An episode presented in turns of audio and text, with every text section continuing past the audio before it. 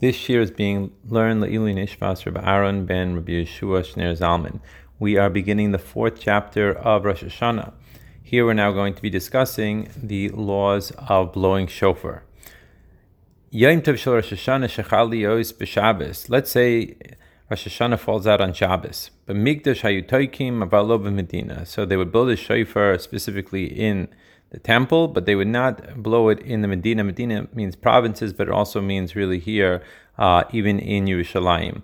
Now, the Chachamim forbid uh, the people to blow the shofar on Shabbos because they were concerned that they were going to carry the shofar in the Rishus Harabim, which is a deraisa on Shabbos. However, they didn't apply this uh, this iser uh, with the temple because, as we know, many of the rabbinic uh, prohibitions are not applied in the temple. Um, as the Meiri explains, this is because the Kaihanim were extra careful um, and then they could rely upon them not to desecrate the Shabbos. Now, Mishachara Beis Hamikdash, when the temple was actually destroyed, hiskin Rabban Yochanan ben Zakkai, Rabban Yochanan ben Zakkai decreed, "Shiyu taikim b'chol makom sheyesh beis din." So he made a decree that they should blow the shofar wherever there was a court. So Rabban Yochanan ben Zakkai's feeling was that it was very important to be blowing the shofar, obviously, on Rosh Hashanah. And so, therefore, where there would be a court, this would uh, cause the people to uh, make sure not to desecrate the Shabbos, but they would still be able to blow the shofar. Now, there is a different version of what exactly Rabbi Yochanan ben Zakkai said. Amar Rabbi Eliezer, lo hiskin Rabbi Yochanan ben Zakkai, ela biyavne bilvad.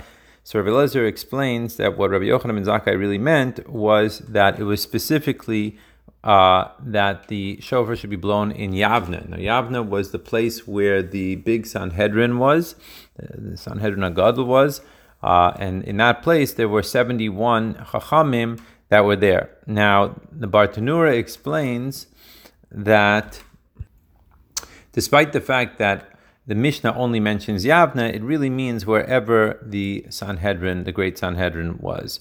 And that's what Rabbi Yochanan ben Zakkai means. Now, Amrulo, other Tanaim disagreed with Rabbi Elazar, and they said, Echad Yavna ve'echad kol makom sheyesh b'beis din.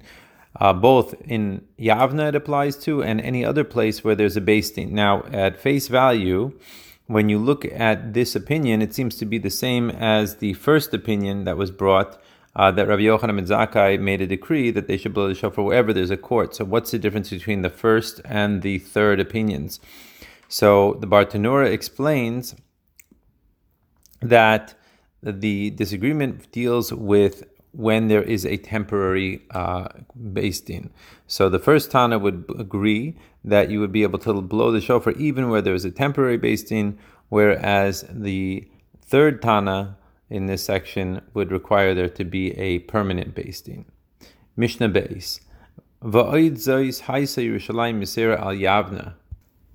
It says that in addition, there were other things that Yerushalayim was better or superior to Yavna. Now, that's a very strange way of beginning a Mishnah, that in addition, so especially since we didn't mention anything before. So the Gemara in Rosh Hashanah explains that there is a piece that's missing here, from our Mishnah, and that went on to say that um, in Yerushalayim, when Rosh Hashanah fell on Shabbos, the shofar was allowed to be blown anywhere in all of Yerushalayim, as long as the shofar was blown in the first part of the day when the Din was in session, which is not the case with Yavna. In Yavna, it was only allowed to be blown in the court.